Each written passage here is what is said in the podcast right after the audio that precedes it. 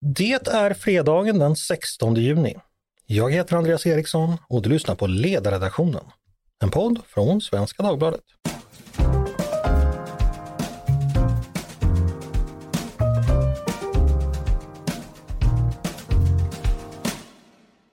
Varmt välkomna till oss denna heta fredag. Idag så blir det en lång inledning, så ni som inte står ut med mig kan spola fram fem minuter eller gå och fylla på groggen eller göra någonting annat. Så här, i veckan var jag på skolavslutning. Den var så traditionell att samtliga svenska politiker, från Jimmy Åkesson till Ali Esbati, skulle fallit ner i tacksam gråt vid blotta åsynen. För det var precis som i min, Åkessons och Esbatis barndom. Precis som det är där 1900-talet dessa två och de flesta andra svenska politiker numera drömmer om och som till och med jag kan finna en viss vag medkänsla inför. Det var exakt som förr, förutom att klimatförändringarna numera får syrenen att blomma över redan innan den blomstertid påstås komma. De svenska flaggorna vaggade makligt i den svaga vinden. De ljusklädda föräldraskaran slöt sig om den lika ljusklädda barnaskaran. Papporna och mammorna letade fotovinklar. PA-systemet svek med regelbundna mellanrum. Och i påsar från ICA Maxi och Coop Forum stod kladdkakor och ballerinatuber staplade på varandra tillsammans med kaffetermosar och blandsaftdunkar inför den efterföljande fikastunden med frökentalet och frökenkramarna. Kort sagt, allt var som det skulle i de numera överblommade syrenernas tid och gullregnets månad. Och det hela var så svenskt att Gustaf Fröding själv skulle framstått som kannibal från Nya Guineas inre vid jämförelse. Här stod de i vita skjortor och beigea shorts och färgglada slöjor och småblommiga klänningar och ljusa koftor. Sönerna och döttrarna av det folk som blött. Som fallit vid Nördlingen och Wittstock, triumferat vid Warszawa och Lund. De som stod fast vid Lützen två gånger om. De som segeriga vandrade in genom München och Nürnbergs portar. Ivrigt inmundigade söta viner och veta vita vetesemlor. De som i pik och musköt lärde jutar, garpar, baggar och moskoviter att frukta det svenska stålets bitkraft. De som i en annan tid lärde en vettskrämd omvärld värdet av den svenska plogens, yxans, sågen och borrstålets kraft och skärpa. Från Wisconsins prärier till Centralafrikas gruvor. På Uttismalm för Gustavs land och så vidare. Det som blev Per Albin och Tages land. Senare Olles, Ingvars, Kalles, Görans, Fredriks, Stefans, Magdalenas och i tidernas fullbordan också Ulfs. Här stod vi under en strålande sol som den där gången på Prästkrageängen framför redutterna när Ros bataljoner gick bort sig, dansande över forsarna med älvor och med rån medan daggen gick till ro på ängens gräs. Här stod vi då och rockskötten flaxade, förkläden slängde och flätorna flög och kjolarna svängde. Klass 4A och 4B, de med popsnörefröken, de sjöng Oasis, Don't look back in anger och så var det plötsligt 90-tal igen. Mellanchefer med kulmage under den ljusblå skjortan och de numera kråkögda indiedrottningarna framför den nynnade förtjust med.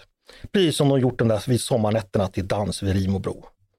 So I start revolution from my bed, cause you said the brains I had went to my head. Så sjunger fyrorna och föräldrarna nynnar med, som de gjort sedan den där gången på Lollipop när 90-talet var som bäst. In i snåret av björkar och alar och hassel. Och det var viskande snack och tissel och tassel över sätrarna vid Östervåla fjäll.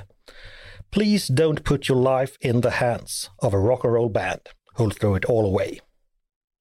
Jag tänker ibland på den där London-killen som var med om ett terrorattentat när islamisterna bland annat sprang in på en pub för att hugga ihjäl så många som möjligt. När terroristerna vrålade islamistiska slagord svarade han med att ställa ner sin öl och vråla “Fuck you, I'm Millwall” och angrep de tre gärningsmännen med enbart knytnävarna. Han fick åtta knivhugg och höll på att dö, men lyckades genom sin insats ge tid åt de andra att fly. Finns det i dessa tider av agnostisk patriotism ett “fuck you, jag är Sverige”? Jag har slumrat i min farkost där som vildmarkspulsar slår, men då finns det ett “fuck you, jag är Sverige”. Det har sett olika ut genom åren. I min barndom handlade det ibland om ett fuck you som lyfte från E1s krigsbaser från Varaslätten. För att med nedåtgående röda solen bakom sig förvandla territorialvattengränsen till ett helvete av stål och eld. Numera kan det vara den där 12-åriga flickan i slöja som går fram för att hämta det stipendiet för den som har höjt sin meritpoäng mest under året. Hon som kommer från ett land så avlägset att inte ens en kommun med över 100 000 invånare kunnat ordna hemspråksundervisning. Men den ljusklädda föräldracirkeln av mellanchefer och före detta indiedrottningar applåderar entusiastiskt. Fuck you, hon i Sverige. Eller den där storebrorsan som tog studenten förra veckan och direkt ryckte in på en jägarutbildning i Lappland. och nu på sin första permission har mer myggbett än orörd hy kvar i ansiktet. Han som om ett halvår kommer vara så tuff att han skrattar sina befäl i ansiktet och om det behövs kommer käka Malmbanans svängda skenor och skita ut dem raka. Fuck you, han är Sverige. I dessa heta junidagar rasar detta Sverige vidare. På perronger och balkonger. Man stressar och man mässar, man ringer och man springer. Stockholms tullar rullar och det här märkliga lilla landet längst i norr, det bara fortsätter att uppfinna och gestalta sig själv. År från år, generation från generation, sekel från sekel. Och jag funderar på vad som kom till svaret på Nils Uttermans Dudeledia. Kanske var det Don't look back in anger, sjunget av klass 4A och 4B på en skolavslutning, lika svensk som den fuktiga ögonvrån på den genomsnittliga rikspolitiken som rört betraktaren. Och med det överger vi vårt kollektiva undermeta för idag och övergår till just denna veckas mest ilande frågor och brännande smärtpunkter. Och till min hjälp för att ta sig an med an dessa har jag ingen mindre än Paulina Neuding, Mattias Svensson och Linnea Dubois. Hej! Varmt välkomna! Hej. Tack, Tack så mycket. Hej. Var ska vi börja? Eh, Paulina, Mm. du har varit på Gröna Lund i veckan. Det var faktiskt. Träffade några gäng Jag träffade Hanif Bali med sitt gäng. utan gäng. Utan Eh, gäng. Och han i sin tur träffade Carl Philip som jag också trodde att jag såg. Så att det- jag känner att cirkeln är sluten på alla sätt. Men framförallt så har jag varit på, på ett bröllop och så har jag varit på tre stycken studentmottagningar. Så jag har verkligen gjort Sverige i juni. Ett bröllop och tre studentmottagningar låter ju som ett filmmanus. Mm. Jag tror jag kan bli rik på det här. Det tror jag också. Men okej, gänglöst eh, på Gröna Lund för tillfället i veckan. Vi får se hur sommaren fortsätter.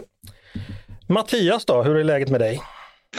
Jo, men det är bra. Det var trevligt att påminnas om Oasis. Eh, De är ju inte Millwall utan City, så rätt glada nu. Precis, och, och Millwall tycker vi egentligen inte riktigt om heller. Ja, eh, Millwall de Millwall. går ju att roa sig åt. Ja, precis. Linnea, hej på dig! Hej! Första veckan på sommarjobbet. Hur har det varit? Det var jättetrevligt. Mm. Eh, Jag var ju här även förra sommaren, men jag har sett fram emot i veckor nu att få komma tillbaka. Nu blir det den här veckan och ni har varit väldigt trevliga och väldigt snälla och väldigt skötsamma. Mm. Jag får skriva, det är kul. Och läsarna har varit snälla, so far. Ja, men det har de. Ja, du, har- du är ju känd för, för lyssnarna, eh, för du var ju med både på sidan och i podden förra sommaren. Men för eventuellt nytillkomna, vem är du och vad gör du annars? Ja, Linnea heter jag, eh, pluggar i Uppsala i vanliga fall, mestadels juridik, en del annat. Bra, bra. Juridik, Uppsala eller annat. Ja, De två första sakerna. Kom du inte in på Handels eller? Vem vill komma in på Handels när Uppsala finns? Ehm, jag är ordförande för Fria Moderata Studentförbundet. Uh, partipolitiskt obundet ska väl säga, så det gör jag också om dagarna i övrigt. Och innan så har jag tittat in och ut på alla borgerlighetens arbetsmarknadsinsatser. Nu såg Paulina plötsligt missnöjd ut för att efter Uppsala och, och, och juridik så var det mot Fria Moderata Studentförbundet. Jag trodde Mattias var ordförande för Fria Moderata Studentförbundet. Jag trodde det ba, Fria Moderata Studentförbundet bara fanns i Mattias fantasi. Ja, som Trittna har. Liksom. Ja, precis. Eller Frihetsfronten och allt sånt där han började hallucinera om. Tidningen Nyliberalen. Ja, Folkpartiets fria studentförbund, det är andra puckar det. det är något helt annat. Det är väl helt annat. Mm. Ja, ni är väl alla tre folkpartister, va? Ja, man är ju lite vänster när man är ung. Man kan ha ungdomssynder även om man fortfarande är ung. Varmt välkommen hit i alla fall eh, Linnea. Eh, just det, du, du kallar dig eh, Mamsel Dubois på Twitter. Eh, det skvallrar ju om ett eh, ofrälse, ståndstillhörighet. Är det korrekt? Det är helt korrekt. Torde även framgå av efternamn att det är mycket vanligt och mycket icke-adligt. Mm. Och en gång i tiden gjorde man faktiskt skillnad på folk och folk. Så då är man inte fröken. O tider, o seder säger jag när de ofrälse kommer in på Svenska Dagbladets ledarredaktion. Vart ska det här bära Paulina? Vi hade faktiskt en fråga om det här med mamsell, kommer du ihåg det? Att du eh, ställde en fråga om det i eh, Jag quizen. frågat- jag frågat om allt och, och ingen kunde svara på det. Hörni, eh, själv tillhör jag röda adeln vill jag påpeka. Eh, den vanligaste kommentaren på morgonmöten har varit så här. Ja, nu måste vi bara förklara för Linnea att på 90-talet, då var det så här. Efter att vi hade citerat någonting väldigt obskyrt och väldigt tråkigt och för ungdomarna väldigt bortglömt. Hörni, vi ska gå in på dagens ämnen. För de är som vanligt ganska många och ganska viktiga. Eh, jag tänkte vi skulle börja med en så kallad snackis. Stefan Löfven, före detta socialdemokratisk partiledare och statsminister. Han har gått och blivit konsult på public affärsbyrån Rud Rut Pedersen. Eh, Mattias, är vi för eller emot? Eh, Jag är väl lite grann emot, inte för att det är något fel i sig, men för att alla politiker går den här vägen och det, det är just summan som blir, som blir liksom ett problem. Vi ser i stora delar av västvärlden att, att liksom konsult, politisk påverkan eh, växer mer eller mindre ihop med det politiska representationsuppdraget eh, och det tror jag inte är bra för någon deras sektorerna. Det innebär inte att det är fel av Stefan Löfven eh, personligen utan, ut, men, men just, just summan eh, tycker jag blir problematisk. Det skapar liksom ett, ett lobbysamhälle där stat och kapital liksom växer ihop. Okej, eh, för Stefan Löfven, han säger ju som många tidigare politiker som just blir konsulter att han då ska hjälpa näringsliv och politik att förstå varandra. Så här säger han, man har inte alltid samma uppfattning men ska nog inte heller ha det i en demokrati. Men det är viktigt att man ändå förstår varandra. Och jag tror att jag kan hjälpa företag att analysera en situation och hur man ska ta sig framåt. Eh, det låter ju ändå vettigt Mattias. Behövs mm. sådana här tolkar på riktigt? Eller är det här liksom bara en omskrivning för att Löfven säljer sitt namn och sin adressbok? Eh, Eller vad tänker du om det? Nej, nej, nej, men alltså alla, alla har ju, eh, har ju eh, rimliga ambitioner i detta. Alltså det är klart att, att företag vill, vill kunna göra Eh, önskemål hörda för politiker därför att väldigt mycket politik rör deras verksamhet. Och i mångt och mycket så är det, ofta, så är det fullt legitima önskemål som, som handlar om ja, men just, just förståelse för näringsvillkor, att, att lagar och regler med andra mål och ambitioner kanske krockar här på ett sätt som man nog inte önskar. Vi har, vi har sett det inte minst på, på områden med stora miljöambitioner och liknande att eh, det är ju bra, men, men för markägare och andra som ska implementera det här så blir det ofta inte bra. Så, så, dialog och samtal och att man faktiskt förstår de olika sektorerna och har människor som har, har varit på båda är, är absolut värdefullt. Men att alla blir konsulter och, och hjälper till i det här, det skapar ju också risker för att lagar och regler utformas för att gynna företag. Mm. Eh Linnea, är du, eh, delar du den här oron som Mattias uttrycker? Jo, men det skulle jag ändå säga. Det är absolut inga konstigheter från varje enskild part i det här. Eh, men helheten blir ju lite kläggig, eller vad man ska säga. Och där tycker jag snarare att det är intressant i det enskilda fallet Stefan Löfven, hur man använder principer eller inte använder principer. Att en politiker som gått från alltså inte vilja delta i Almedalen för att det är så äckligt med massa lobbyister mm. överallt och arbetarrörelse och vanligt folk ska minsann höras och hela den grejen. Plötsligt när allting är över, själv blir en sån som sätter sig och ska hjälpa näringslivet. Mm. Mm. Paulina, håller du med? Ja, men det är en väldigt god poäng som Linnea har. Alltså det här äh, socialdemokratiska gaslyktningen av oss allihopa. Det här att någonting är först fult och sen så är det fint när vi själva gör det. Mm. Ehm, det, det, är lite tjatigt, men eh, det är jätte, en jättebra poäng som Mattias har också. Alltså det här är det finns en enkläggighet och vi har sett det här inte minst i borgerligheten, alltså när det går när borgerligheten liberaliserar eh, inför fri marknad, på, eller fri marknad, bla bla, eh, en hel sektor, skolan. Mm. Och sen så är det svängdörrar mellan beslutsfattande och att gå in i den här, eh, bli rik i den här branschen som rådgivare eller som annat. Det är, mm. det är inte bra. Det är inte bra för allmänhetens förtroende för politiker. Jag blev lite förvånad över den här nyheten, för jag kan på ett mänskligt plan förstå att Löfven gärna vill gå ut och äta powerlunch och bli lyssnad på och ha ett trevligt kontor och fortfarande vara i svängen. För det kan ju känna, det kan kännas väldigt tomt ja. efter politikkarriär. Men jag tänkte så här att ändå han ändå, i och med att han som Linnea sa har diskuterat problemet tidigare, kanske förstår det och bara för den saken skulle, skulle kunna offra sig lite och engagerat sig liksom ja, men kanske i kultursektorn eller suttit i museistyrelse eller liksom lite sådär, inte mm. in liksom i i igen. Men, men det vill han uppenbarligen. Eh, Mattias, du var lite inne på det, vi ska bara utveckla. Alltså, finns det ett problem för demokratin att den här typen av, av överflyttningar sker och att den här sektorn blir viktigare?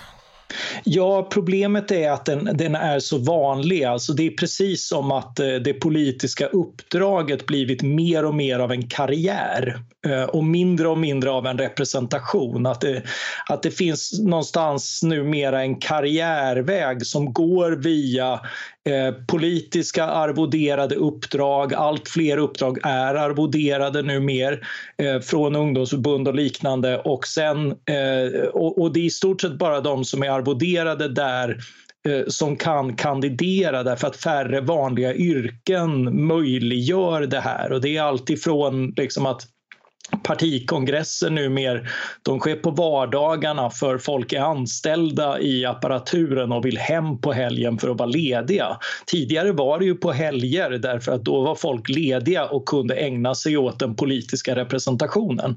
Och, och den, den, här förändringen eh, är, alltså det, det, det går inte att, att, att lyfta ut enskilda personer och skylla på dem men jag tror att de flesta kan vara ense om att den här utvecklingen av det politiska uppdraget inklusive konsultifieringen av vad politiker gör efteråt i så stor utsträckning eh, är, blir ett problem. Det, det, minskar den här pluralismen och förståelsen för, för andra sektorer. Okay. Tror jag. Eh, alla är skeptiska, alla är oroade. Vill ni göra någonting åt saken då? Vill ni ha hårdare, skarpa karenstider? Vill ni ha rent av ha förbud? Är det någon som har några skarpa förslag? Paulina? Nej, inga skarpa förslag. Jag tror att det, blev, det är väldigt svårt att införa karenstider. Jag tror att det måste vara lite skuld och skam kring det här. Okej, vi ska skamma Löfven med company. Linnea, har du några... Jag kanske inte Löfven här och nu, liksom så, men, men själva fenomenet mm. är inte fräscht. Mm. Linnea, har du några, liksom, man, några konkreta förslag? Nej, egentligen inte. Som Paulina säger så tror jag att det kan bli vanskligt och konstigt. Det här är en kulturfråga som behöver adresseras på många olika håll samtidigt. Då är det en bra början att vi pratar om det. Jag frågar dig Linnea, eh, du, du kommer ju då från borgerliga ungdomliga sammanhang som närmast är en plantskola för konsultbranschen, att man nästan går direkt dit eh, ibland. Eh, var, eller är det så fortfarande att man ofta gör en karriär i ungdomsförbundet, så pluggar man färdigt och sen går man ut och börjar jobba på konsultbyrå? Det är väl ganska vanligt, absolut. Sen är det många som gör annat också, men i förhållande till hur det ser ut i andra sektorer så är det väl absolut så att många som lagt mycket av sin ungdoms och studietid på att lära sig förstå politik och bygga nätverk och lära sig påverkan och också kapitalisera på det tidigt i sin yrkeskarriär istället för att gå och göra någonting annat och ska skapa värde i en icke-politisk sektor. Mm. En som inte kapitaliserar på det, det är Mattias. Du har aldrig varit konsult. Har du blivit varit lockad? Eh, jag har nog aldrig förstått vad konsulter gör. så, eh, De skickar mejl dricker kaffe och äter lunch. Aktuellt. det viktigaste är ju att uppfinna sig själv, sin arbetsdag. Det är väl det som en konsult får göra. Fakturerar tror jag. Fakturera och mm. leverera. Mm. Det är svårt att fakturera om man inte har levererat. Det, som, som man brukar säga. Precis. Mm. Hörni, eh, vi får väl önska trots allt, nu har vi varit kritiska mot fenomenet, men, men Stefan Löfven önskar vi då lycka till på, på nya jobbet. Eh, vi ska gå vidare. Veckan har ju annars dominerats av gängbrottsligheten efter förra helgens dåd i Stockholmsområdet. Bland annat det fruktansvärda i Farsta där fyra människor sköts ner på en busshållplats och två av dem avled. Det inträffade i, i lördags kväll. Vi har pratat brottslighet väldigt, väldigt många gånger tidigare i podden men, men vi måste ju fortsätta prata om det. Eh, Paulina, du skriver i, i veckan om det. Vad var mm. din poäng då? Jag skrev om eh, hur, eh, ja, ibland så måste man, liksom, på tal om gaslyktning, så måste man titta tillbaka och se hur diskussionen om de här sakerna har sett ut tidigare.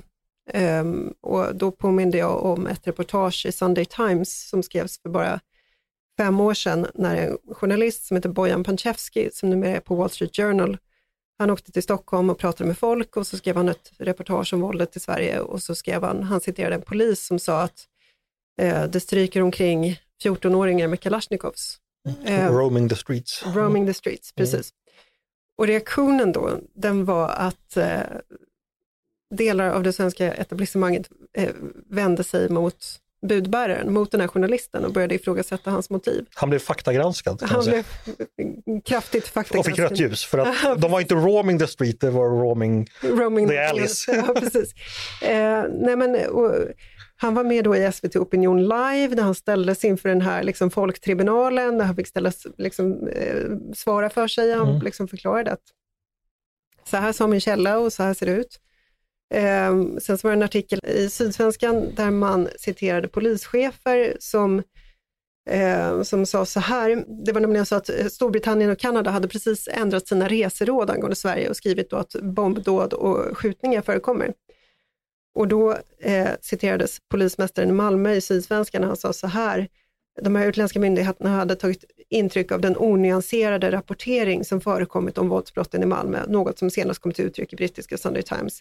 Och så fortsätter han, de allra flesta av de skjutningar som vi har haft har förekommit i kriminella miljöer. Det här har blivit upphissat i media och nu blir det också upphissat i de utländska reseråden. Eh, Myndigheter skulle inte säga media, lever vi i Ungern eller? Ja, gör vi det? Ja. Eh, vi gjorde det 2018 uppenbarligen. Och, och nu så har vi plötsligt då sett det komma. Och mm. Jag vet inte, jag, som sagt, jag var på um, ett bröllop på tre eh, studentmottagningar och eh, ni vet, syrenen, syrenen blommar, bruden är sagolikt vacker. De här tre studenterna som jag var på hos i turordning, fantastiskt fina pojkar. Man blir så otroligt stolt, man är så lycklig för det här brudparet och man tänker bara så här, jag önskar att ni kunde få en start under, liksom, i ett samhälle som såg annorlunda ut. Mm. Jag hade en, en väldigt stark sån känsla. Jag är själv född i Farsta kan jag berätta, eh, varit mycket i Farsta eh, och, och så vidare etc. Det är skitsamma om just jag råkar vara född där, men ja, det, det är smärtsamt och sorgligt och ja, jag har försökt prata om det här i väldigt många år och det, det är ledsamt. Okej, nu ska jag ställa en liten kritisk fråga. Gör det. Eh, du vann den här debatten som du har vunnit många andra, andra debatter. Eh, du vrider om kniven på de som torskade. Alla vet att vänstern torskade. Alla mm. vet, eh, är det inte dags att gå vidare och göra någonting åt saken? Lägga vårt fokus jo, där. Och så här, vinna debatten, jag vill inte ens tänka i de termerna. När jag kommer till det. Alltså, du fattar vad jag menar. Alltså, vi som jo, varnade fick rätt. Ska, vi kan inte sitta och säga så här, haha vi fick rätt, ni sa dumma saker 2017. Vi måste också fokusera på att vi måste ju lösa detta. Jo. Jag vet inte vart jag vill komma men du fattar ungefär hur jag, jag tänker. Jag fattar precis hur du tänker och ibland så, eller ofta under de här åren av eh, liksom, hur debatten har sett ut och liksom angrepp på journalisters karaktär som i fallet, i fallet då med Bojan Panchevski så har det upprepats att de som pratar om det här, de vill egentligen något annat, något sinistert och mörkt och så vidare. Eh, när verkligheten är, ser ut på ett helt annat sätt och man önskar att man hade kunnat få fler att lyssna tidigare. Mm. Um, Okej. Okay. Mm. Eh, Mattias, eh, mm. vi har en borgerlig regering nu som till ganska stor del vann valet på, på, på att oron för den här gängbrottsligheten och att man ska kunna stoppa den. Nu har det gått ett första läsår, man har lagt sina eh, utredningar och proppar och lagförslag. Hur mycket har man åstadkommit hittills och kommer det att hjälpa? Jo, men det händer en del. Alltså, eh, det var lite intressant. Jag tittade på TV4s partiledardebatt eh, och det var intressant att konstatera att, att just det eh, ja, så kallade paradigmskifte vad gäller straff eh, idag är, är liksom helt okontroversiellt. Till och med Vänsterpartiets ordförande inleder med liksom att eh, ja, vi måste titta på Danmark och eh, vi måste lyssna på polisen. Mm. och eh, när, när, Sverige svänger så svänger Sverige ordentligt och på, och, och på, eh, på en gång kan man ju konstatera på både gott och ont. Men eh, för jag kan tänka att här, det är ju väldigt eh, avancerad materia när, när, man ska ändra i rättsregler och sånt där. Liksom. Det, det, hade behövts lite av tröga motkrafter och sådär. Nu får Gunnar Strömmer vara det också. Det gör han förvisso med den äran.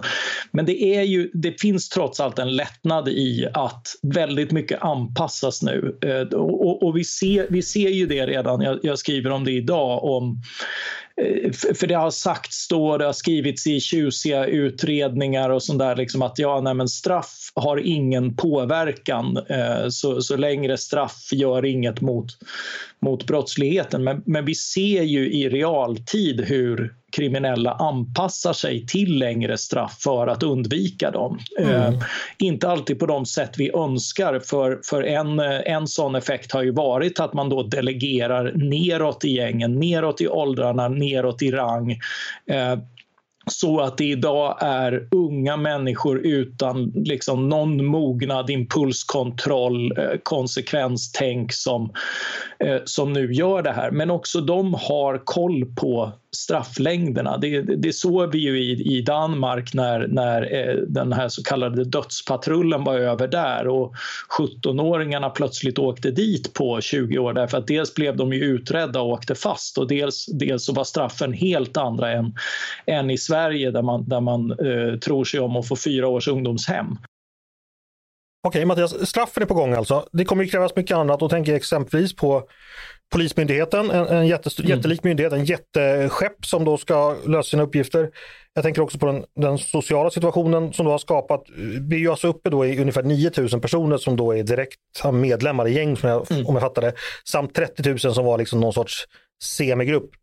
Hangarounds. Ja, mm. eh, vad, vad, det kommer krävas mer än straff Mattias? Oh ja, oh ja. Men, men bara att jag menar, det är ännu en sån där poäng som, som där, där, det, där det redan finns något högst daterat över de här liksom tvärsäkra påståendena från någon studie från 2011 om att det inte har någon effekt. Ja, det, det kanske var sant där och då, men, men villkoren har, har ändrats och ändrats hela tiden på, på ett närmast spelteoretiskt sätt. Och det, och det handlar också om ja, eh, alltså hur polisen styrs och sådär. Där finns ju mycket övrigt att önska och, och jag kommer ju för min del aldrig förbi att, eh, att man Eh, man måste göra någonting åt narkotikamarknaden som idag är helt tillgänglig för gängen och, eh, och liksom, eh, pröva, ompröva dels liksom de stora polisinsatser som idag handlar om att gripa folk för bruk och innehav.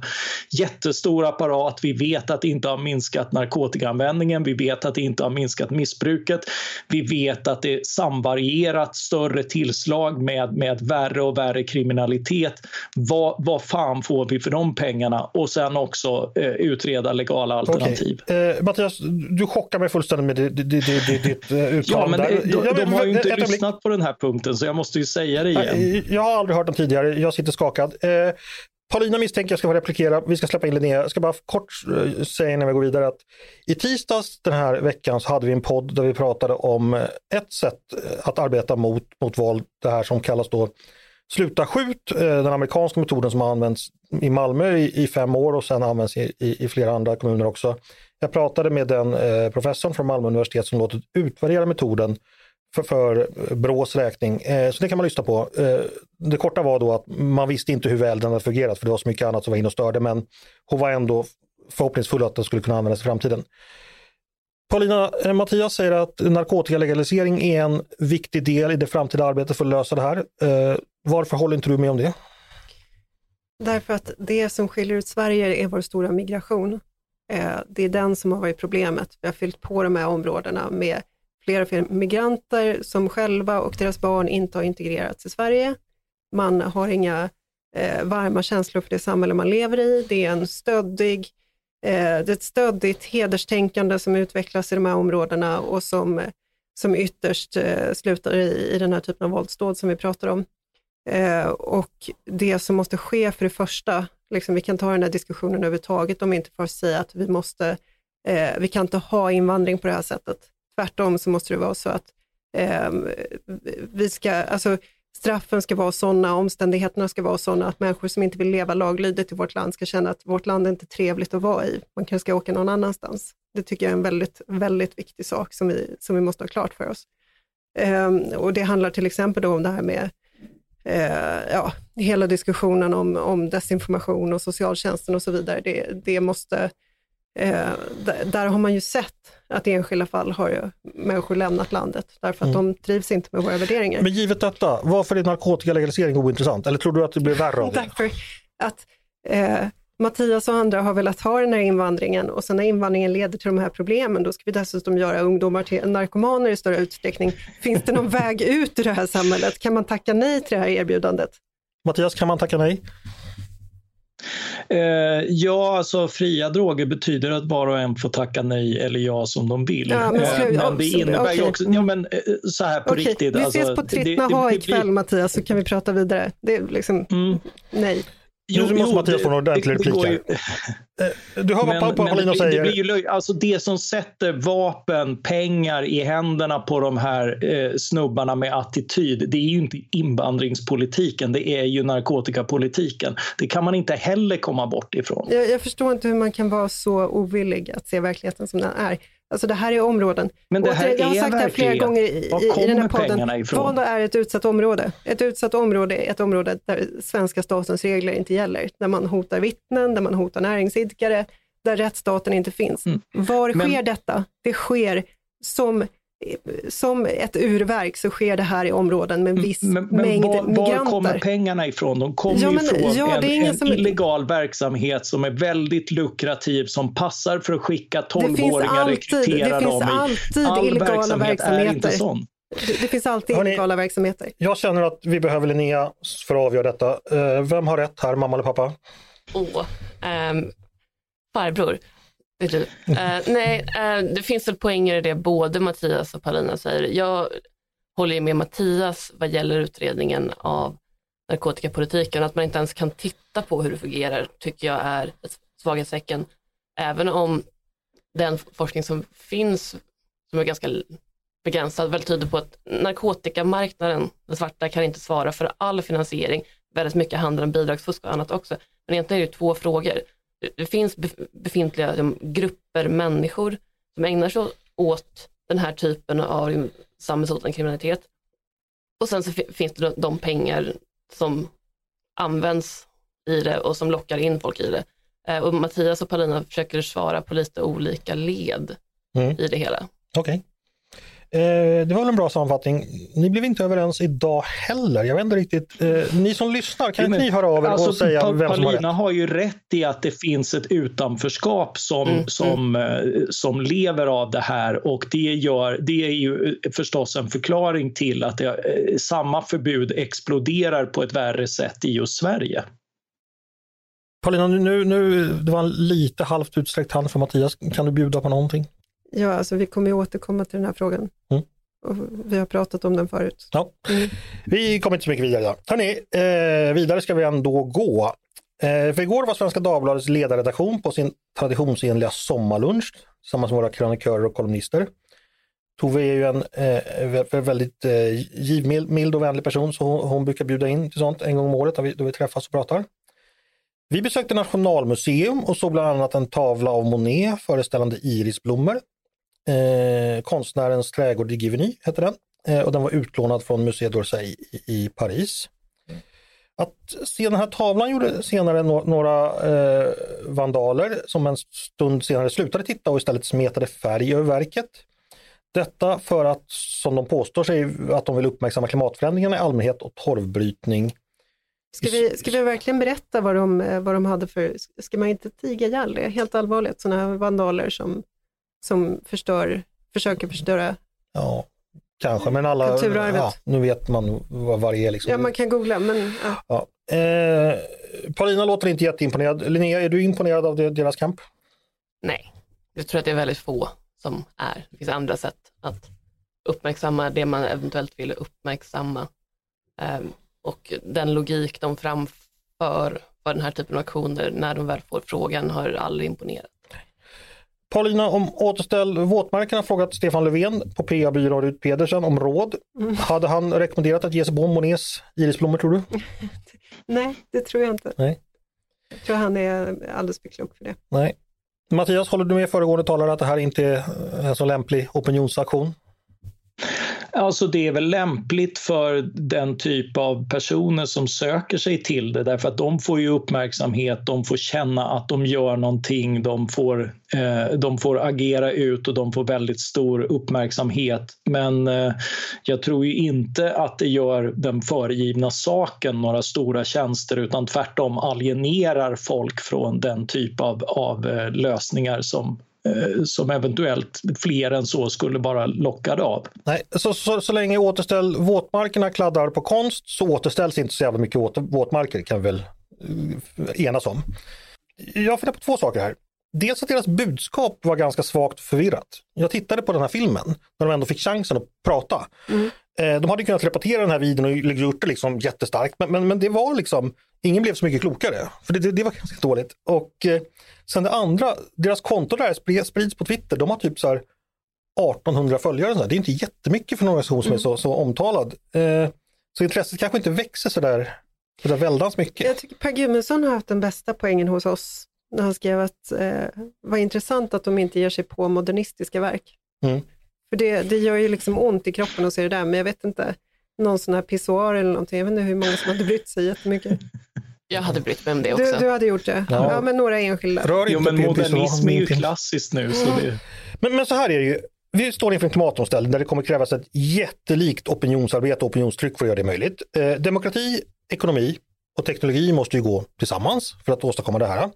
Och demokratin, det vill säga väljarna, är en jätteviktig del av det här. Det vill säga, man kanske inte ska göra dem direkt avvokt inställda till det här. Men vänstern är ju inte, eller så här, en del av vänstern är ju inte jättesvaga för den här väljarlogiken, eh, för den kan man ju lyfta bort. Ni kommer ihåg den där miljöpartisten, ni vet han som ser ut som Robert Wells. Han, han var ju till och med inne på att man liksom Mattias, du har skrivit om det här, han som inte vill ha val och sånt där. Liksom. Per Holmgren, ja. ja, ja alltså, det, är, det, är, inte så viktigt vad väljarna tycker, för, för valen kan man alltid ställa in. Liksom. Eh, ja, det har ju, det har ju eh, lyfts upp till och från och sen så backar man snabbt ifrån det och sådär. Men, men, men det är klart att det, i, i varje sånt här radikalt avantgarde så uppstår totalitära drömmar om om liksom att eh, ja, ja, men vi struntar i det. Till och med eh, den här Thomas Friedman, rätt aktad sån här liksom 2000-talstänkare, eh, skrev ju någon miljöbok som var liksom åh, om vi kunde bli Kina för en dag. Liksom. så, och, den, och den åtgärd han tyckte var så klok att det var värt att bli Kina för en dag, eh, det var plastpåseskatt. Ah. Mm. Så, så jag menar, alltså det illustrerar både att det, att det liksom bland självutnämnda eliter och sådana alltid finns en önskan att strunta i folk och det faktum att det de faktiskt har att föreslå sällan är så jäkla intelligent därför att det är sällan intelligent att tvinga folk till en massa saker. Eh, och grejen är att aktivister åker ju i en demokrati ganska ofta på spö. Liksom, alltså man tänker på VVC-tutarna, eh, eller de som är rent kontraproduktivt, för VVC-tutarna de var ju i princip flaffers åt SDs opinionssiffror i många, många år. Liksom. Så, så, så kommer, Förlåt Linnea. Eh, eh, kommer Rädda våtmarken att vara lika framgångsrika mot klimatförändringarna som de så kallade antirasisterna var mot SD? Då är det läge att köpa tomtmark på Svalbard för att framtida investering i tropisk semesterby.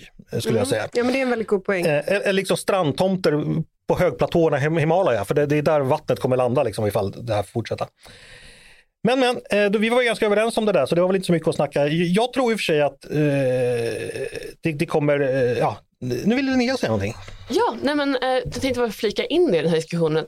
En tråkig sak är ju att eh, våtmarker är viktiga. Att mm. återställa våtmarkerna är en bra och viktig klimatåtgärd, eller i alla fall att inte utarma dem allt mer. Det är viktiga mm. kolsänkor och hela den grejen.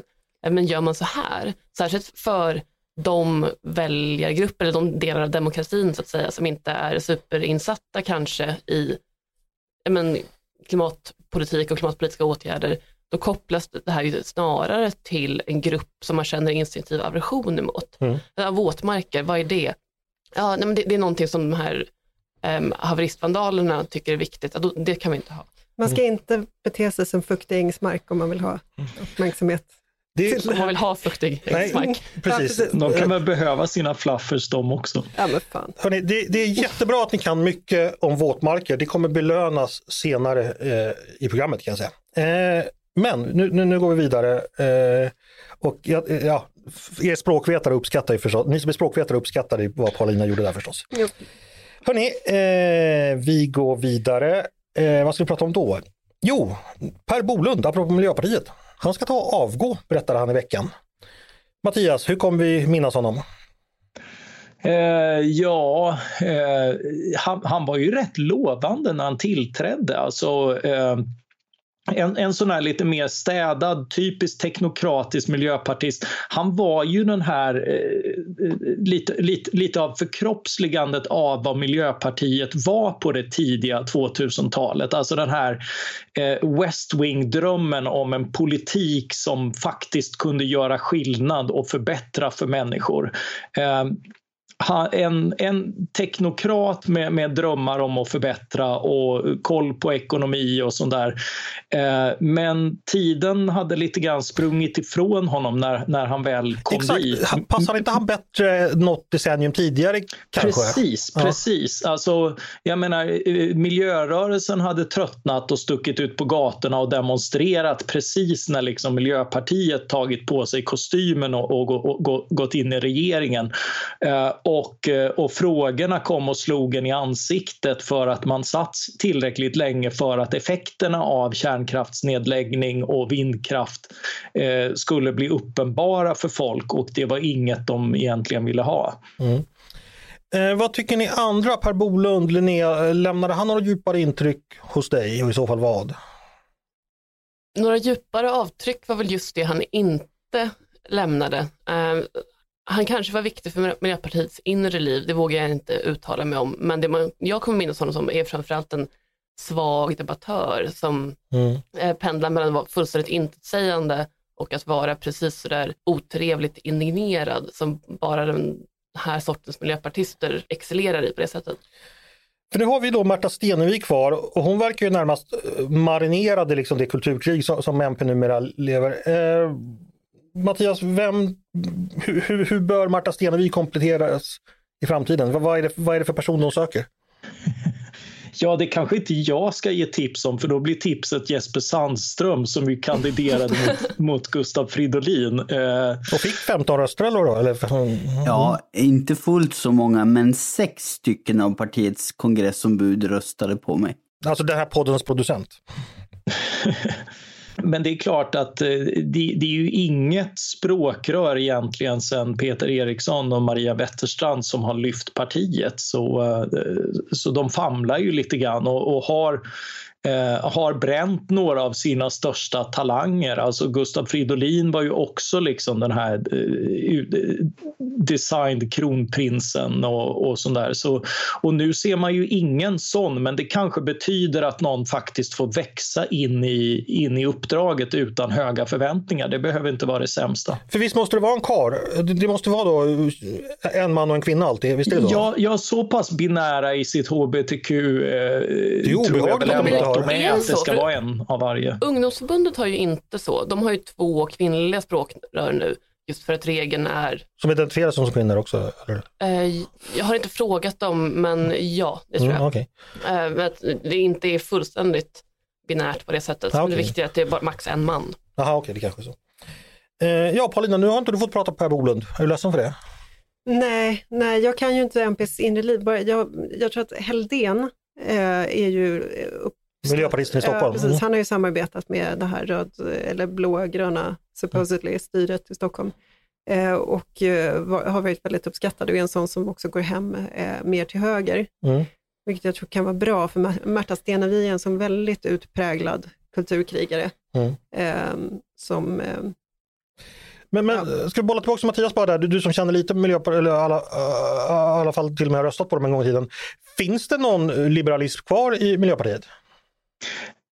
ja, det finns ju enskilda personer, men, men de är mycket mer sällsynta. Det, precis som andra partier så påverkas de av vilka de samarbetar med. Eh, det, det är ju väldigt tydligt, även om, även om det inte riktigt är avsikten, att när ett parti samarbetar åt ett visst håll så stiger de personerna i partiet som tycker det samarbetet är bra.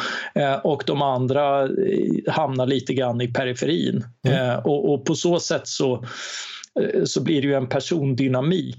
Där, eh, jag, jag har ju pratat för deras såna här motsvarande Sture akademiutbildningar, eh, Kogit och akademin. Våtmarksakademin? Eh, och, eh, och där är det ju inte särskilt Eh, alltså, där var det kanske fler eh, liberalt sinnade förut än på senare år. Sanka Strandängs akademin tror jag den heter. Hörni, eh, vi ska gå vidare. Vi ska prata koranbränning. Eh, det är ju så att polisen nu fått ytterligare juridisk pisk i frågan för sina försök att stoppa manifestationer där diverse olika grupper vill bränna upp Koranen. Man vägrade ju detta i Stockholm i vintras, man torskade i länsrätten och nu också i kammarrätten. Eh, och polisen argumenterar ju så att det allmänna säkerhetsläget i stort i Sverige förvärrades genom en sån koranbränning och alltså skulle inte tillåtas. Men det sa domstolen nej till. Man får inte åberopa den typen av eh, generell, generella säkerhetshot utan risken för ordningsstörning och säkerhet menar rätten. I alla fall om jag fattar saker rätt, jag har inte läst den senaste domen. Men, men det, det, ska vara då att ordningsstörningen ska vara på själva platsen som avses eh, för, för demonstrationen. Eh, saken verkar alltså juridiskt glasklar, men det här väcker frågor. Eh, varför har polisen agerat som vad det verkar uppenbart mot lagen?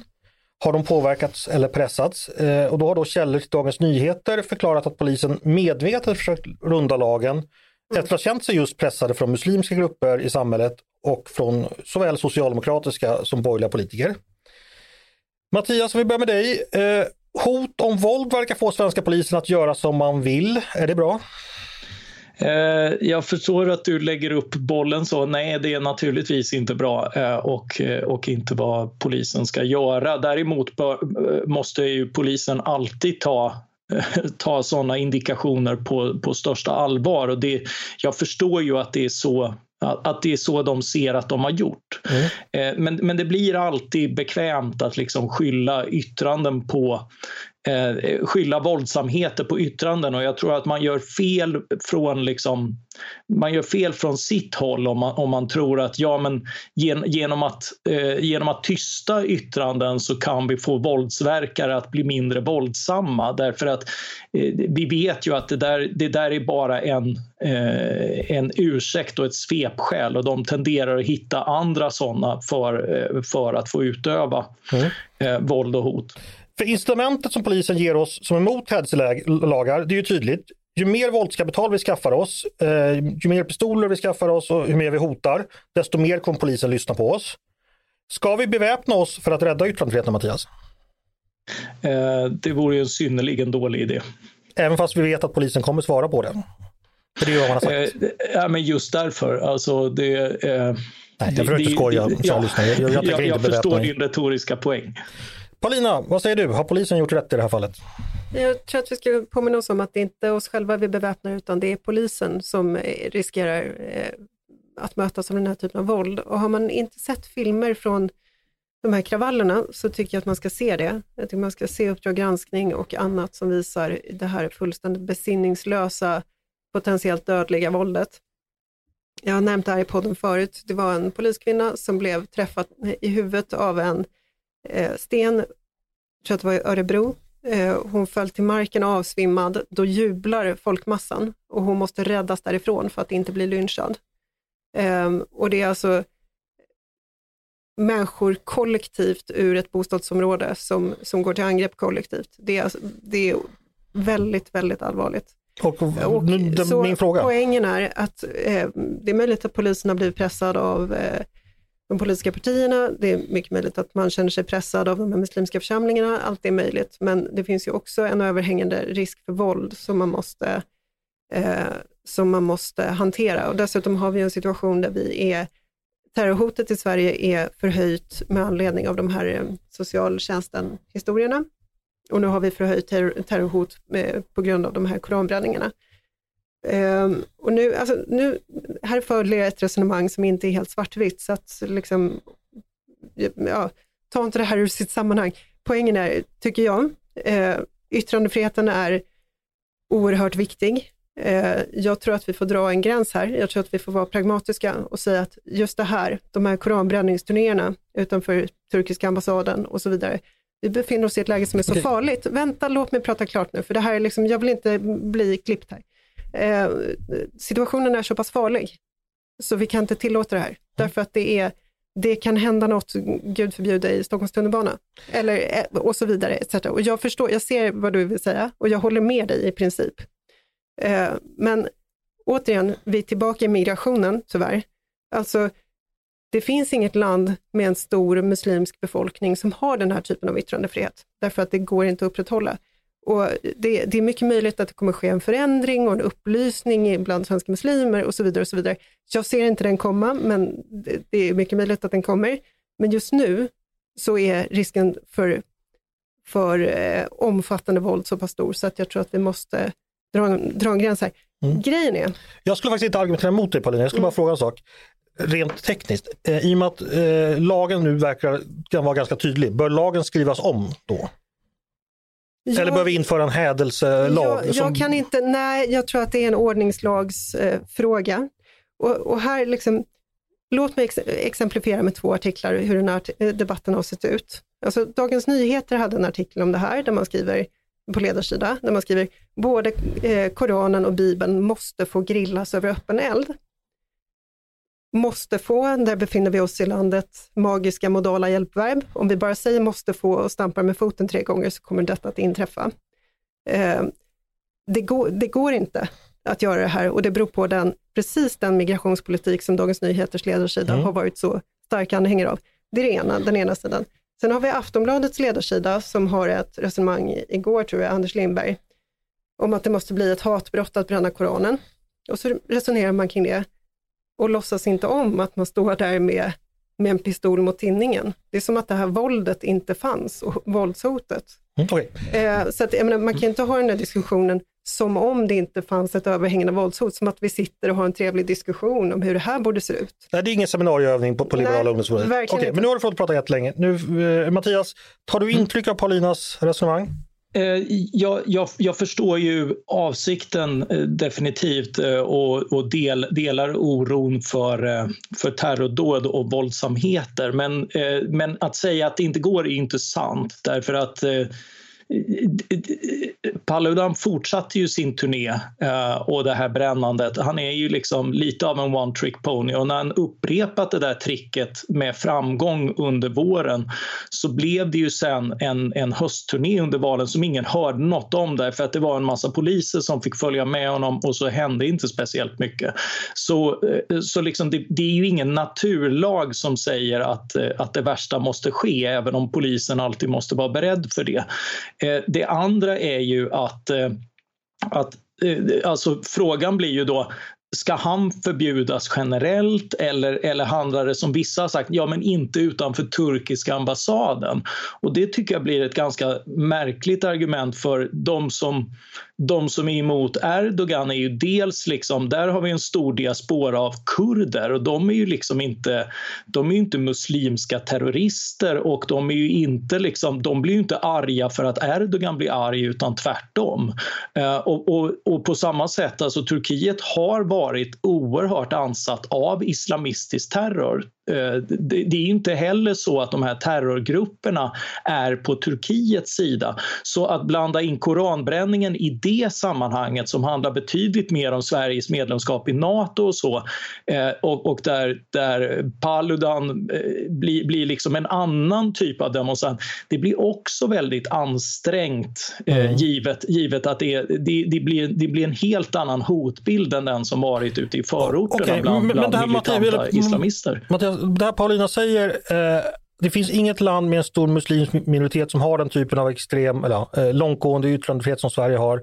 Vi kan inte ha det för att hotbilden blir för stor. Eh, tar du intryck av det? Det är inte riktigt det jag säger heller. Jag säger inte att vi inte kan ha det. Jag säger att vi kan försättas i en situation där det blir väldigt svårt att ja. upprätthålla. Mm. Rent alltså jag, jag tror framförallt Det är att, ingenting att, jag önskar. Nej, Nej men jag, jag, jag, så tolkar jag det också. Mattias, vad jag tror framförallt att, att, att just vika sig när det blir en viktig symbolfråga blir värre än, än liksom att bara fatta ett rätt odramatiskt eh, eh, beslut om ja men du, du får uttrycka det här fast här istället för där. Mm. Eh, att, just, att just vika ner sig för att det finns ett väldigt eh, våldstryck och sånt där, det blir ju att adla det ofrånkomligen. Och att göra det av det skälet skulle vara, skulle vara ett extremt tecken på svaghet och, och att upp, eh, uppvisa just, alltså att gå att gå en eh, våldsverkare till mötes på ett sätt som vi absolut inte vill. Och det tror jag verkligen jag ska ta, jag ska ta det vidare Mattias. Jag ska ta, ta det vidare till Paulina. Eh, det finns stark hotbild som har att göra med socialtjänsten. Att man mm. då eh,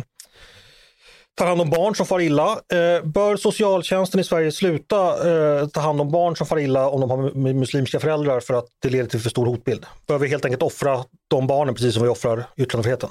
Vet du vad, jag är rädd att vi redan gör det. Alltså, Ja, det- det- jag- det, jag, Ja, men- vi, kan men- vara he- nej, men lyssna.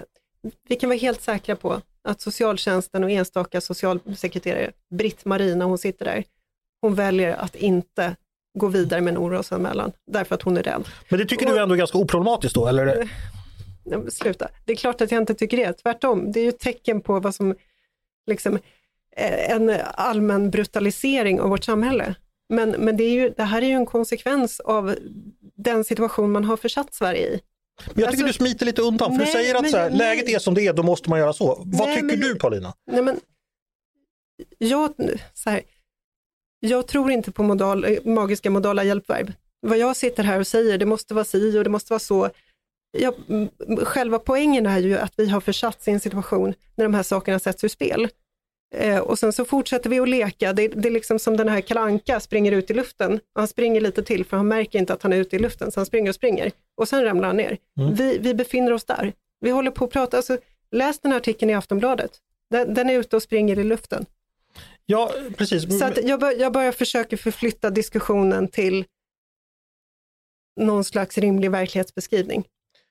Jag vill hävda att, ja, nu är det inte jag som ska ha åsikter egentligen, här, men, men, men det, det, det jag du står kan inte låta bli. Mm. nej, nej, men, men yttrandefriheten, du, får, du kan inte flytta mig, för jag säger att jag står gärna kvar här på det principiella planet. Mm. Eh, och, och eh, du får gärna tala där borta, men då är vi långt ifrån varandra. Och jag kommer Mm. fortfarande, fortfarande hävda att det är viktigt att upprätthålla eh, grundläggande demokratiska eh, principer just i sådana här lägen.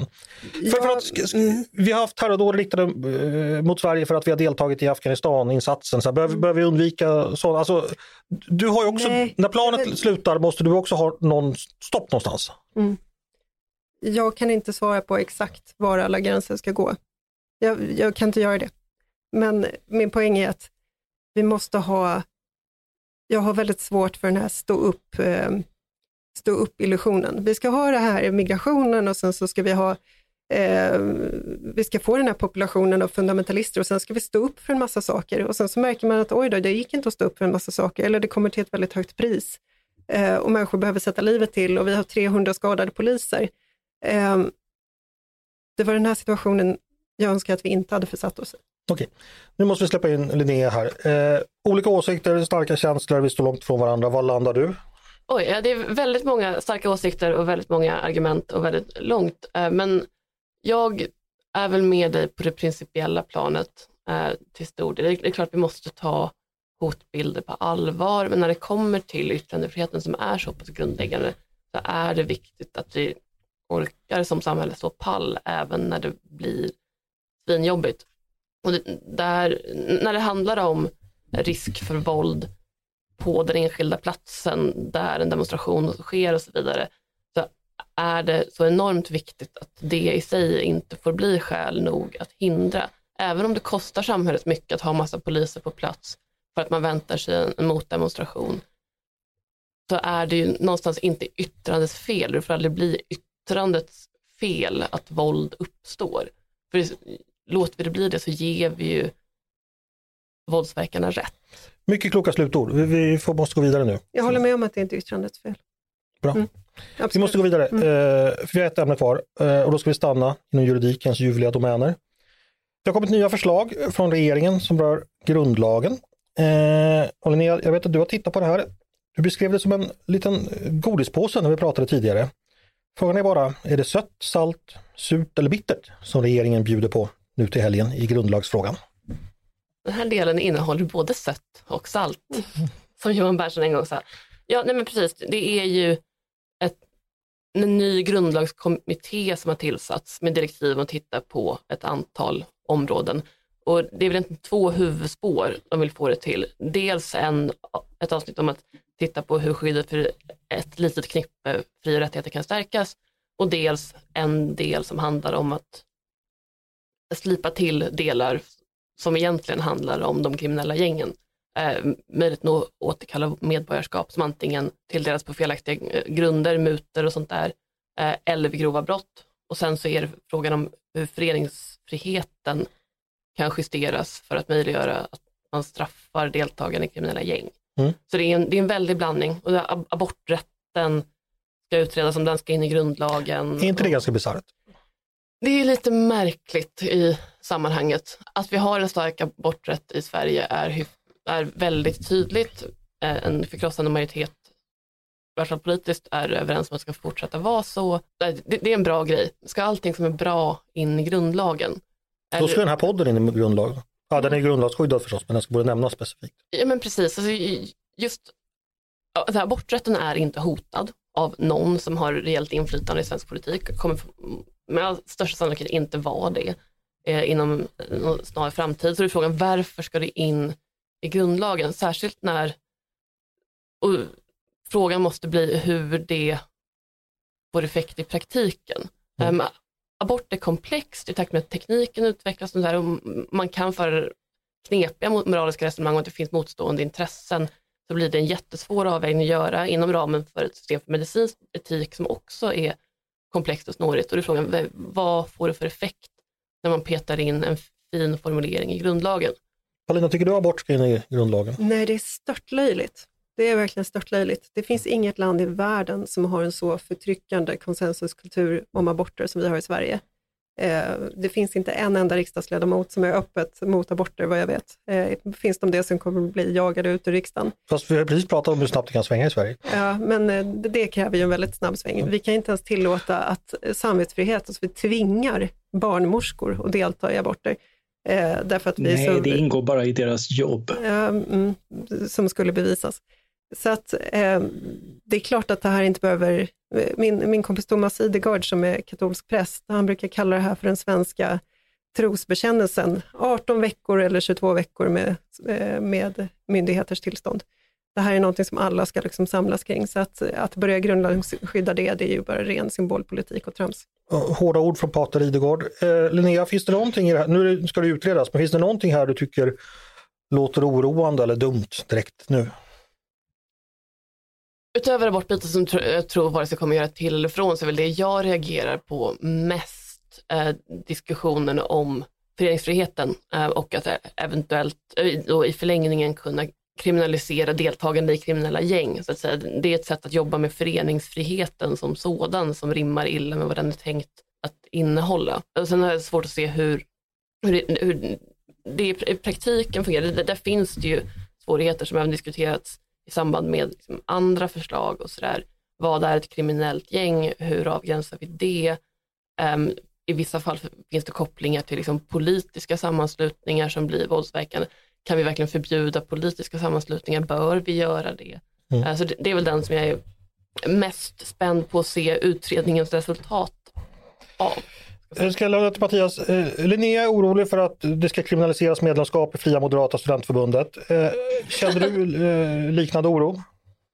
Eh, jo, men det är ju alltid när, när politiker ska ta i och visa krafttag och sånt där så kan det ju landa sådana här. Ta de här våtmarksaktivisterna till exempel. Det finns ju folk som har kallat dem för terrorister. Vi har ju en begreppsglidning i, i sådana här sammanhang som kan bli problematiskt. Och vi, vi ska ju inte glömma att just, just säkerhetsmyndigheter tenderar att kunna inbilla sig att saker är väldigt mycket större hot än, än vad de faktiskt är. Det, det är förvisso deras jobb, och, men, men blir ju oerhört fantasifullt och leder ju till många Eh, må, många jakter som är förgäves. Och, och det är alltid en risk i sådana här sammanhang att, eh, att lagstiftning blir för svepande och, och drabbar andra än, eh, än, än det var tänkt. Och det, det tror jag, den, den vaksamheten bör vi, bör vi alla ha. Linnea, det här med medborgarskap ska kunna dras tillbaka. Vad, vad tänker du om det? Där är jag lite mer agnostisk. Um, jag har väl länge tänkt att det finns en poäng i att uppvärdera medborgarskapet både vad gäller rättigheter och skyldigheter, att göra det till någonting mer än den konstruktion det har varit tidigare, eh, som inte förpliktar till särskilt mycket alls, utan mest handlar om tid. Sen är det förslaget tudelat. Det här som handlar om att återkalla medborgarskap som tilldelats på felaktig grund, det är inte särskilt konstigt. Det finns i typ alla andra men det ty- tycker jag också tycker är rimligt. Det låter superrimligt. Ja. Eh, Sen den här delen som är kopplad till grov brottslighet, det ligger lite närmare Paulinas eh, expertisområde, eh, eller engagemangsområde. Där tycker jag att det blir snårigare. Um, men det finns för lite jättekonklusion i förslaget nu för att säga jättemycket om det. Paulina har redan dragit på sig minuspoäng efter att ha gjort obscena gester mot eh, domaren i den senare tävlingen kan jag säga. Paulina, det här medborgarskapet, vad tänker du om det? Att det är jätteviktigt. Det är, vi har sett alldeles för många exempel på att man får ett svenskt medborgarskap och sen visar det på alla sätt och vis att man inte är intresserad av att vara en del av det här samhället, att man vänder sig emot det. Till exempel genom att eh, strida för IS eller strax efter att man har eh, fått svenskt medborgarskap begår en gruppvåldtäkt i Kungsparken i Malmö, ett exempel som jag skrev om förra veckan. Eh, det, det finns väldigt många sådana exempel och det, det ska finnas fall när man helt enkelt förlorar sitt svenska medborgarskap. Håller du med? En intressant sak där är att med den, den logiken så borde vi egentligen tillämpa liknande principer även på de som är födda här. Nej, det tror jag inte. Varför, eh, rent tekniskt går det inte eftersom du inte får göra folk statslösa så det fungerar bara för folk med dubbla medborgarskap.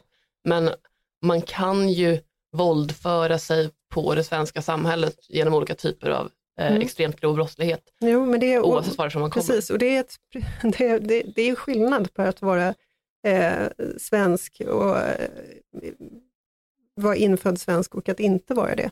Det är ju två skilda saker som vi skiljer på i vår lagstiftning och som vi borde skilja på även i det här avseendet. Varför då tycker du? Ja, av alla uppenbara skäl.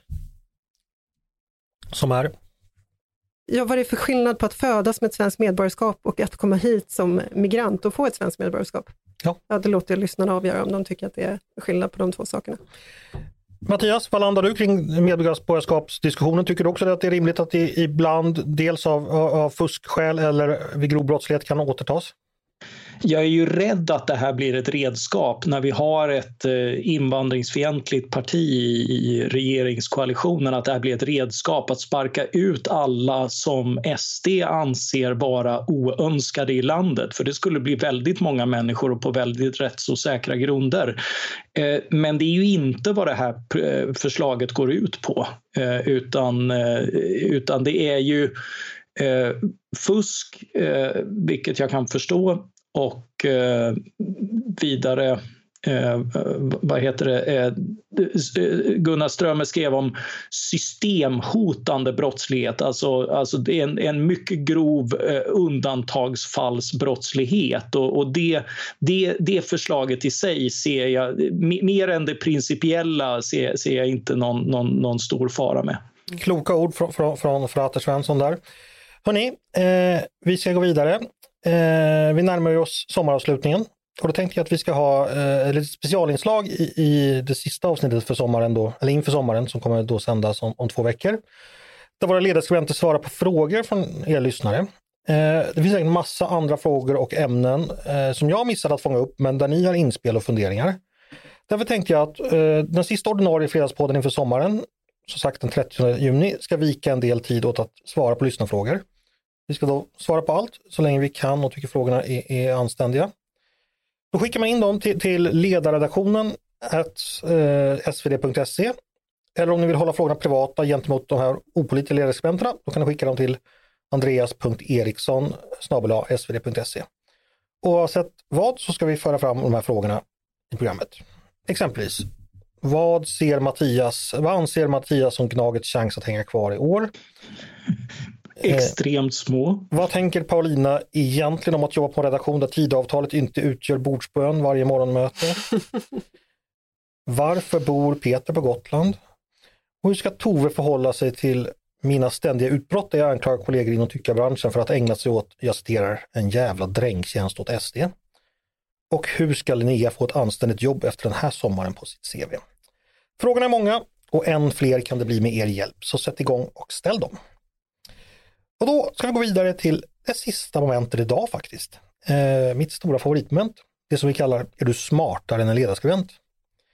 Ni känner vid det här laget till momentet, men för nytillkomna lyssnare ska jag kort förklara vad det går ut på. Det handlar om att mina kollegor varje vecka ansätter mig med frågor av typen Visst är jag smartare än Paulina? Visst har jag bättre koll på holländskt elektro än Peter? Vem tycker du är mest lik Hank Rearden, jag eller Mattias? Och jag har i blotta tröttheten över detta eh, säger att det där får vi avgöra på fredag och därmed mindre, mer eller mindre satt mig själv i situationen att vara Björn Hellberg när mina kollegor så gärna vill vara Hoa Hoa, Carl Jan eller Elisabeth Höglund. Och ni som lyssnar kan också delta i detta mycket tveksamma rollspel. Och gör ni det genom att svara snabbare och rättare på mina frågor än vad Paulina, Linnea och Mattias gör, då är ni helt enkelt smartare än just dessa ledarskribenter och tycker att ni ska söka sommarjobb här redan 2024. Reglerna kan ni, man svarar genom att säga sitt namn. Vill man chansa innan jag läst färdigt frågan får man det, men då slutar jag läsa och man riskerar dessutom minuspoäng. Paulina åkte på det förra veckan tror jag. Mm. Man har bara ett svar på frågan och vinnaren eh, får en veckas evig ära. Mattias är regerande mästare efter en fantastisk spurt förra veckan som handlade om såväl smurfarna som Reine och Mimmi. Så de passade dig bra Mattias. Det är andra Ja, det gången var som... den sortens allmänbildning jag har. Det var- det är andra gången Mattias vinner på smurfarna. Ja. Mm. Linnea, du var med något, någon gång förra sommaren? Ja, en enstaka. Jag minns frågor om Olof Skötkonung, Olof Palme och andra människor som hette Olof, varav merparten inte längre är vid liv. Det låter så typiskt mina frågor. Hörrni, vi drar igång. Vi pratade lite Stefan Löfven inledningsvis, kommer ni ihåg det? Mm. Tänkte kolla vad ni kan om honom. Han arbetade större delen av sin karriär eh, innan politiken inom industrin vid ett känt företag i Örnsköldsvik. Känt för produktion av exempelvis tunnelbanevagnar och militära bandvagnar. Vad heter detta företag? Mattias, Ja, är det Hägglunds? det är det absolut. Hägglunds och Söner, snyggt. Det ligger nära mitt hjärta för Hägglunds mellansel tillhör min barndom. Ett poäng till Mattias. Eh, vad heter Stefan Löfvens hustru i förnamn? Bland annat, Linnea, Linnea, Ulla. det gör det verkligen. Bland annat känd efter att Löfvens kontroversiella julklappsinköp till henne under pandemin. Ett poäng till dig också. Stefan Löfven må vara uppväxt i Nolaskogs men han är född i Stockholm i en stadsdel där bland annat vår kollega Peter Wennblad bott i många år. Den anses numera kraftigt gentrifierad och stadsdelens tunnelbanestation ligger mellan Liljeholmen och Örnsberg. Vilken stadsdel söker jag? Paulina. Mattias, Paulina först. Ja, men vad heter Aspudden? Helt rätt. Fick alla varsin poäng där, snyggt. Ska vi lämna Löfven åt sitt öde? Eh, Vi har ju pratat lite PR också som nu Löfven ska ägna sig åt. Vad heter den tyska samhällsvetare som bland annat diskuterat just PR i sitt berömda verk om borgerlig offentlighet? Som alla stackars medie och kommunikationsstudenter tvingas läsa. Men inte ni tydligen. Mattias, Mattias? är det Habermas? Visst är det Jürgen Habermas. Två poäng. PR anses som verksamhetsfält grundat av en man som heter Edward Bernay. Eh, om vilka två saker som är intressanta finns att berätta. Dels att han blev väldigt gammal, han blev 104 bast. Dels att han var något så märkligt som dubbel nevö till Sigmund Freud. Men vad innebär att vara någons nevö? Paulina. Paulina? Eh, ja, det är brorson eller systerson. Helt rätt. Och heter den kvinnliga va- varianten? Eh, Nies. Nis. Ja. Nies. Två poäng där också. Eh, två poäng till Mattias och ett poäng till Linnea va? Mm. Mer PR. En känd PR-byrå blev rikskänd år 1999 efter fiaskot med den så kallade Sydafrikaveckan. Mattias, Paulina var snabbast. ah, vad fan. Krev. Fel. JKL. Nej. Eh, Mattias, din tur. Ja, det bör väl bli minuspoäng där på Ja, Paulina? det blir det faktiskt. Ner, ner på ett Nej, poäng. Jo, jo, nej. jo, jo, det blir det. Mattias? Rikta. Ja, helt rätt. Mattias, tre poäng och ett poäng för övriga. Ja, det kändes som att jag visste det.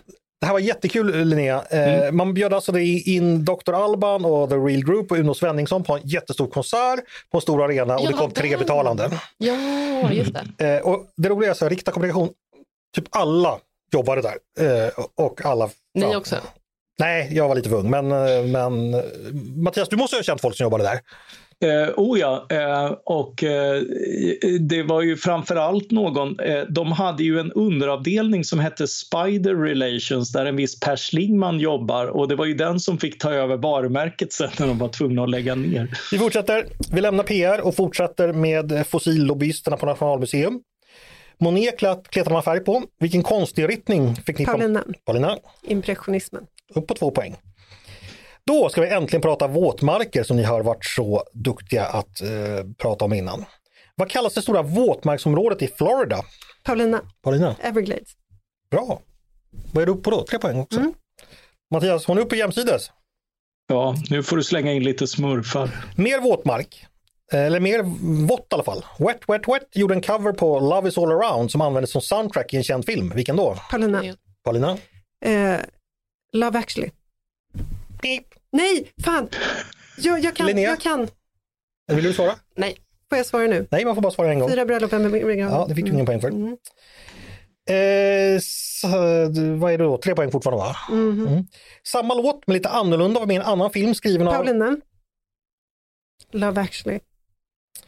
Ni är på två poäng igen. Skriven av Richard Curtis, nämligen Love actually. Vad kallades låten då?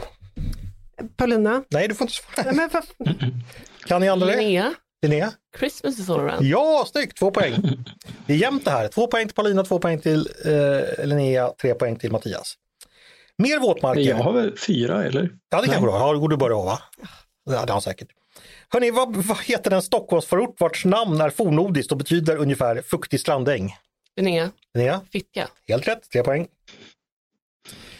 Eh, traditionellt har i Sverige mycket våtmarker förvandlats till betes och odlingsmark genom att vattennivån sänks. Vad kallas den traditionella metoden för att åstadkomma detta?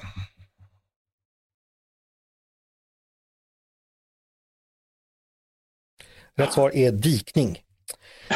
Ett kärr är en våtmark som får sitt vatten från omgivande landet. Vad kallas en våtmark som får sitt vatten enbart från nederbörd? Svenskt ord. Paulina. Paulina? En myr. Båda är en myr. Både kärr och det här andra är en myr. Jaha, ja, okej. Linnea, Mm. Träsk. Det, syftar, det syftas oftast på utländska våtmarker. Mattias, vill du chansa? Sankmark. Svaret är mosse. Mm. Åh, Eh, just det, vi skulle ha pratat samhällsfastigheter idag, det hann vi inte med. Men det fick mig att fundera över vilken koll ni har på offentliga myndigheters geografiska placering. Oj. Jag säger en myndighet, ni säger kommunen. Är ni redo? Mhm. Trafikverket. Rätt svar är Bålänge. FRA. Paulina. Paulina? Stockholm. Nej, fel. Kommunen var det. Det, det är väl en kommun. Ja, men det ligger utanför Stockholms kommun. Det ligger på Ekerö. Mm. Slutligen Sjöfartsverket. Mattias, Mattias? Norrköping för kyven. Ja, rätt. Har du fem poäng då? Ja, eller fyra, jag vet inte. Hörni, vi har pratat grundlagar. Hur många sådana har vi? Paulina. Paulina? Fyra. Hur många poäng har du nu? Eh, jag vet inte. Nej, jag har helt tappat också. Vid sidan av dessa fyra har vi ytterligare en lag som har vissa drag. i- Paulina. Paulina? IGL. Yttrandefrihet. Nej, då fick du minus igen. Nej, men. riksdagsordningen. Ja, som har vissa drag gemensamma med grundlagarna. Delar av den kan bara ändras antingen genom kvalificerad majoritet eller på samma sätt som riksdagen. Vad heter den? Halvgrundlag. Jag vill för mycket känner jag. Eh, USAs grundlag är lite äldre än Sveriges. Den antogs redan 1787. I vilken stad? Mattias, Ja, är det Pennsylvania? vilken stad? Paulina. Paulina? Philadelphia. Ja, helt rätt. Du är uppe på tre poäng igen. Eh, jag tror faktiskt att Mattias vann. Vi kan erkänna det. Eller, känns det, eller vill du utmana mig, Linnea, och så ska vi räkna om? Kvittar dubbelt Mattias. Nej, det känns eh, rättvist och riktigt. Ja, men för, för jag litar på Mattias att du, du var ärlig med din, din där. Så att, det var rätt. Grattis Mattias! Oh, Tack så mycket. Så fick vi inte använda den här Det var roliga... som sagt Paulinas iver som fällde Ja, men det, henne. det är nerverna. Ja, du svarar ju på alla frågor och hälften fel. Då blir det liksom... Och så fick vi fortfarande inte använda den här jätteroliga utslagsfrågan. Hur många procent av vuxna amerikaner som själva bedömer att de handgripligen kan besegra en grizzlybjörn i en kamp? Just det, är det fortfarande samma fråga? Ja, den kommer hänga med tills vi kan använda den, för den är väldigt rolig. Och som Mattias, eller Paulina sa förra gången, vi kan ju räkna bort 50 procent i alla fall som direkt bedömer sig inte kunna göra det. Sen är det 50 procent som kommer, ja, får jag fundera lite? Exakt, exakt. Bra, det var allt jag hade att erbjuda denna fredag. Är ni nöjda med allt ni har fått säga? Eh, Linnea, var det okej? det var okej. Jag behöver bli snabbare i frågesporten om jag Mm. får komma tillbaka. Det får du absolut. Mattias, är du nöjd på ditt håll? Ja, jag verkar ju ha vunnit till och med, så det känns Ja. bra. Vad bra. Eh, ja, men då är det bara dags för mig att säga stort tack Linnea Dubois. Tack själv. Tack Paulina Neuding Tack, tack, tack. och tack Mattias Svensson Ett nöje. för att ni medverkade i ledarredaktionen idag. Och tack också till er som har lyssnat på just ledarredaktionen. En podd från Svenska Dagbladet. Ni är varmt välkomna att höra av er till redaktionen med tankar och synpunkter på det vi precis har diskuterat. Eller om ni har idéer och förslag på saker vi ska ta upp i framtiden. Kom ihåg det här också att vi gärna tar emot lyssnarfrågor till sommaravslutningen. Då är det bara att mejla till ledarsidan snabla svd.se. Dagens producent heter som alltid Jesper Sandström. Själv heter jag som alltid Andreas Eriksson och jag hoppas som alltid att vi hörs snart igen.